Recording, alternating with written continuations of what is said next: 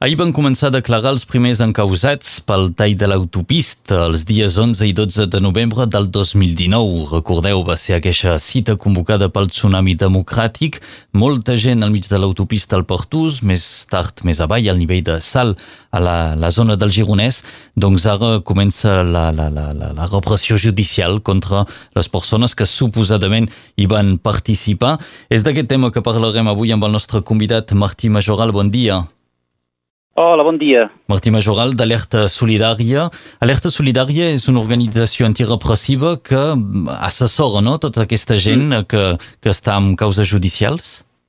Sí, efectivament, eh, el que fem és una tasca d'acompanyament, de, de suport, perquè bé, és una organització que ens definim com una organització política, perquè tenim una pretensió política, que és la, la, la independència de, de Catalunya, dels països catalans, el que fem és una feina molt tècnica d'acompanyament, sobretot jurídic, i també eh, donem un suport eh, sovint doncs, de caràcter més social a totes aquelles persones que pateixen la repressió en tots els seus aspectes, eh, a vegades doncs, acompanyament a, a famílies, eh, a l'entorn, etc perquè la complexitat de la repressió no, no es limita a la persona en si que, que, que és represaliada, sinó tot el seu entorn, i això genera un impacte social claríssim, però també polític, i nosaltres juguem en l'àmbit polític, eh, prenem part, partit per, per aconseguir un dia una república catalana mm. plena, efectiva.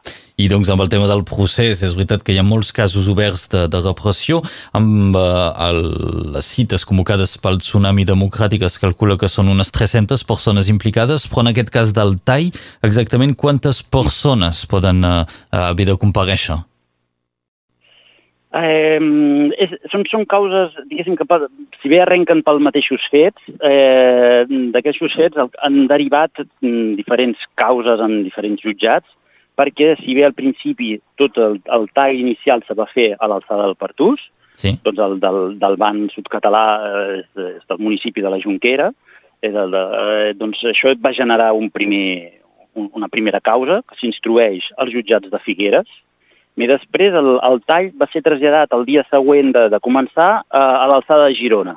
Doncs allà hi ha un viatge que es diu Salt, doncs l'autopista a l'alçada de Salt va generar un, doncs, uns nous blocatges i allà es genera eh, una segona instrucció als jutjats de Girona. Encara n'hi va haver-hi un tercer tall a, a les Terres de l'Ebre, eh, diguéssim, en resposta a la convocatòria general de, de bloquejar autopistes i carreteres, i allà hi ha encara també una tercera causa oberta als jutjats d'Amposta. De, Tot plegat fa unes 300 persones -huh, mhm. implicades, uh -huh. que és pas poc. Sí, no, no, gens.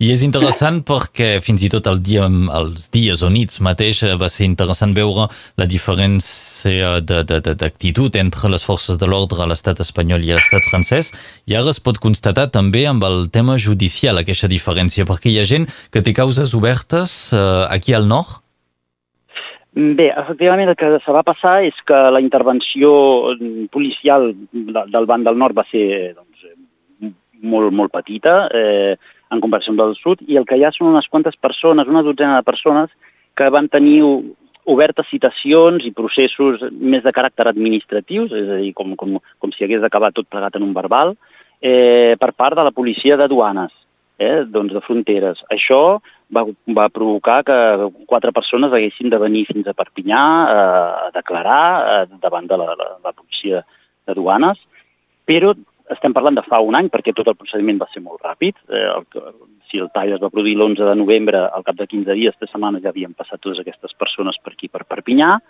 doncs, eh, i ja no s'ha mogut res més. És a dir, la, l'obsessió amb què per part de l'estat espanyol i els òrgans judicials espanyols estan entomant aquesta causa, extrapolant la investigació de tots els ordres públics i volent imputar tantíssimes persones eh, delictes derivats doncs, d'aquests doncs, talls, és espectacular en comparació amb el poc cas i el poc ressò, fins i tot també, que, que s'han tingut aquí al nord per part d'aquelles persones que van ser interpel·lades per part de autoritats policials sí. eh, franceses. Sí, sí. Cal dir que Alerta Solidària doncs, té un peu aquí, estem connectant eh, amb tu des de Catalunya Nord, heu tingut assessorament sí. d'altres advocats també per eh, aquestes, eh, aquestes persones que havien de declarar, però finalment ha estat prou fàcil. sí, prou, prou senzill i pel moment, doncs, eh, ja et dic que no hi ha hagut cap avenç i tot sembla apuntar que, que no n'hi haurà més. Vull dir que la cosa se quedarà així, amb uns quants advertiments i, i poca cosa més. Molt bé, però al sud la cosa sembla més complicada. Ho dèiem ahir, unes 150 Certament. persones se van concentrar eh, com a mostra de suport. Ah, em sembla que unes 24 persones que van començar a declarar eh, ahir, altres que ho hauran de, de fer avui. Eh, de què són sospitades o de què se'ls se pot acusar? Doncs eh, l'acusació la, general que, que recau sobre totes aquestes persones és de desordres públics, que és la tipificació que se li dona a l'estat espanyol per eh, haver fet aquest, eh, aquesta alteració de, de, de l'ordre, aquesta alteració de la, de la vida normal, és a dir, per haver participat en una manifestació. Mira, el que cal tenir present és que eh, normalment eh, el dret de manifestació és una cosa que ens ha fet, que ens, que ens concerneix a tothom, que, que tenim, que, que és, és un dret doncs, que no és, eh, anem a dir, negociable, que ens pertany i que per tant tothom hi té dret. I el que se passa aquí és que eh, imputen totes les conseqüències d'aquests aquest, col·lapses, eh, com pot ser les afectacions materials de, a l'autopista, per si se van fer malbé algunes, eh, algunes tanques, algunes barreres o coses així, doncs també s'investiga per veure com es pot imputar tots aquests danys a totes aquestes persones. Mm, del nostre costat el que entenem és que aquesta gent exercia el seu dret de manifestació i és per això que quan nosaltres sem convocats a una manifestació i anem sense saber, mai ens preguntem, no, no tenim per què fer-ho, eh, si aquesta manifestació ha estat oportunament convocada, si compta amb, amb permisos o fins i tot si hi ha un responsable de seguretat que vetlli perquè tot se passi correctament. Doncs és aberrant que eh, no cerqui eh, qui són les persones que, que han organitzat aquests talls, sinó que el que se fa és imputar tothom.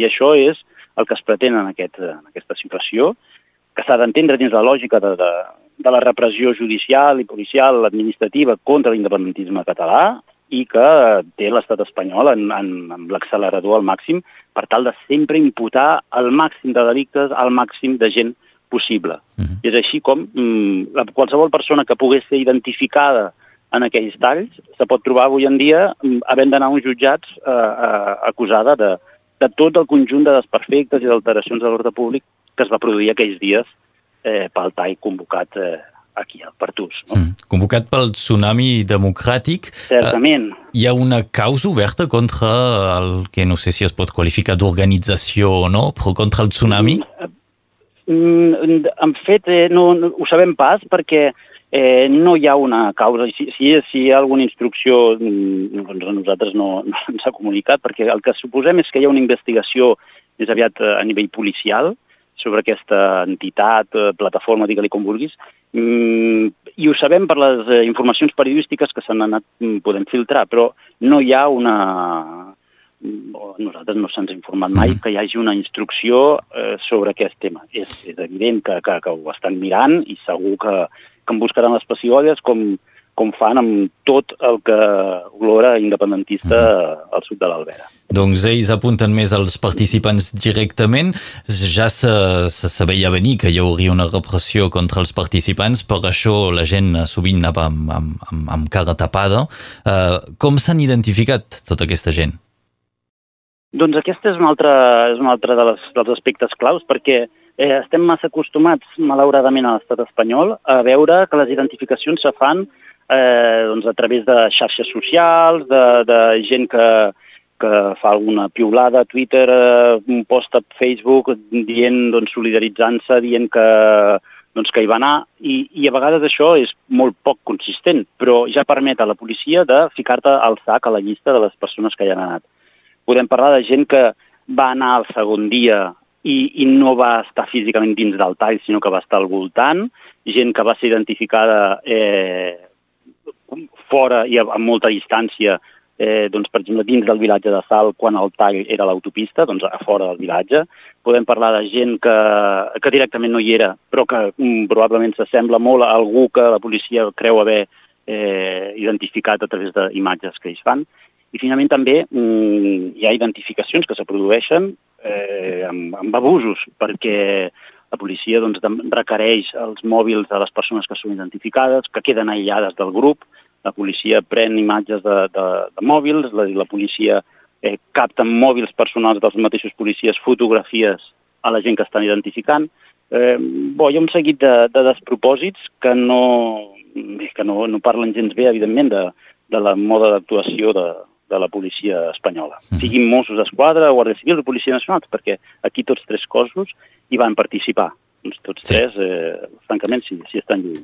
No volem fer especulacions, però és veritat que va ser un acte eh, força impactant, eh, mediatitzat, doncs segurament que l'estat espanyol voldria culpables, però si eh, les acusacions són tan febles o que la gent ha estat identificada en motius discutibles, doncs podria ser fins i tot que finalment no es trobin els culpables tan desitjats i això posaria l'estat espanyol en evidència. mm,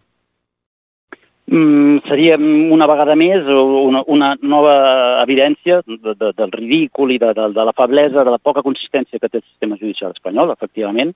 Mi, el que nosaltres tenim molt clar, però, és que al cap i a la fi mm, eh, no serà per, per, per la magnitud del ridícul del sistema judicial espanyol que aconseguirem la llibertat com a poble, perquè si fos així eh, seríem independents fa molts i molts anys.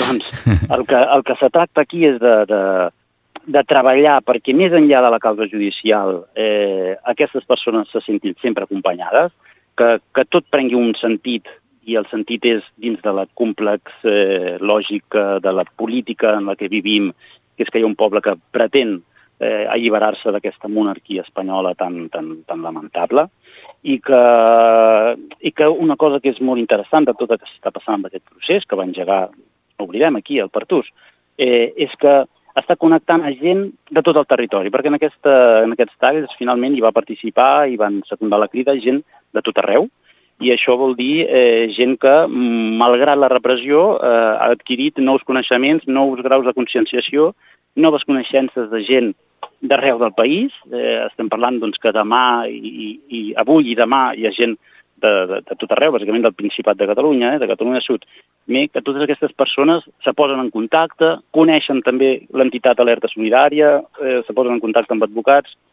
Doncs, eh, com t'ho diria, eh, és un nou, un nou cop repressiu, mm, però d'una escala prou gran perquè no afecta a polítics de renom, sinó a gent normal, de carrer, gent amb ganes de treballar, de, de sortir al carrer, de moure's, i l'important és que aquesta gent mm, estem aconseguint que no, eh, es, que no els sobrevingui una por per deixar de moure's, sinó al contrari, que trobin noves eines i nous camins per, per lluitar encara més i millor. Sí. Això és, és l'important. Martí Majoral, divendres hi ha una nova cita a declarar. En tot cas, hi ha una concentració de suport als jutjats de Figueres, en aquest cas a les 9 i mitja del matí, divendres.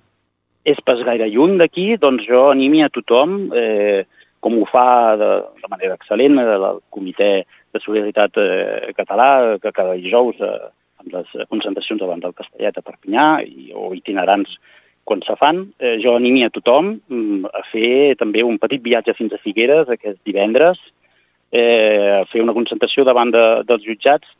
Doncs eh, el, de, a Catalunya Sud les concentracions de més de 10 persones són prohibides a excepció de les manifestacions i concentracions polítiques, doncs això és un dret fonamental que no ha quedat qüestionat, i evidentment respectarem les distàncies de seguretat, mascaretes, eh, etc etc i serà per donar suport explícit a tota aquella gent que es veurà, eh, que veu ja les seves vides eh, trencades, amenaçades sota la, la, la repressió per haver anat al tall del Pertús i, i haver lluitat doncs, per, per aconseguir la llibertat. I això no es pot pas permetre que passin aquestes coses, doncs tothom hi estem convidat. Divendres 4 de setembre a les 9 i mitja davant dels jutjats de Figueres, una concentració de suport als encausats. Se'ns ho explicava el portaveu d'Alerta Solidària, Martí Majoral. Moltes gràcies d'haver estat amb nosaltres aquest matí. Moltes gràcies a vosaltres. Fins aviat. Bon dia.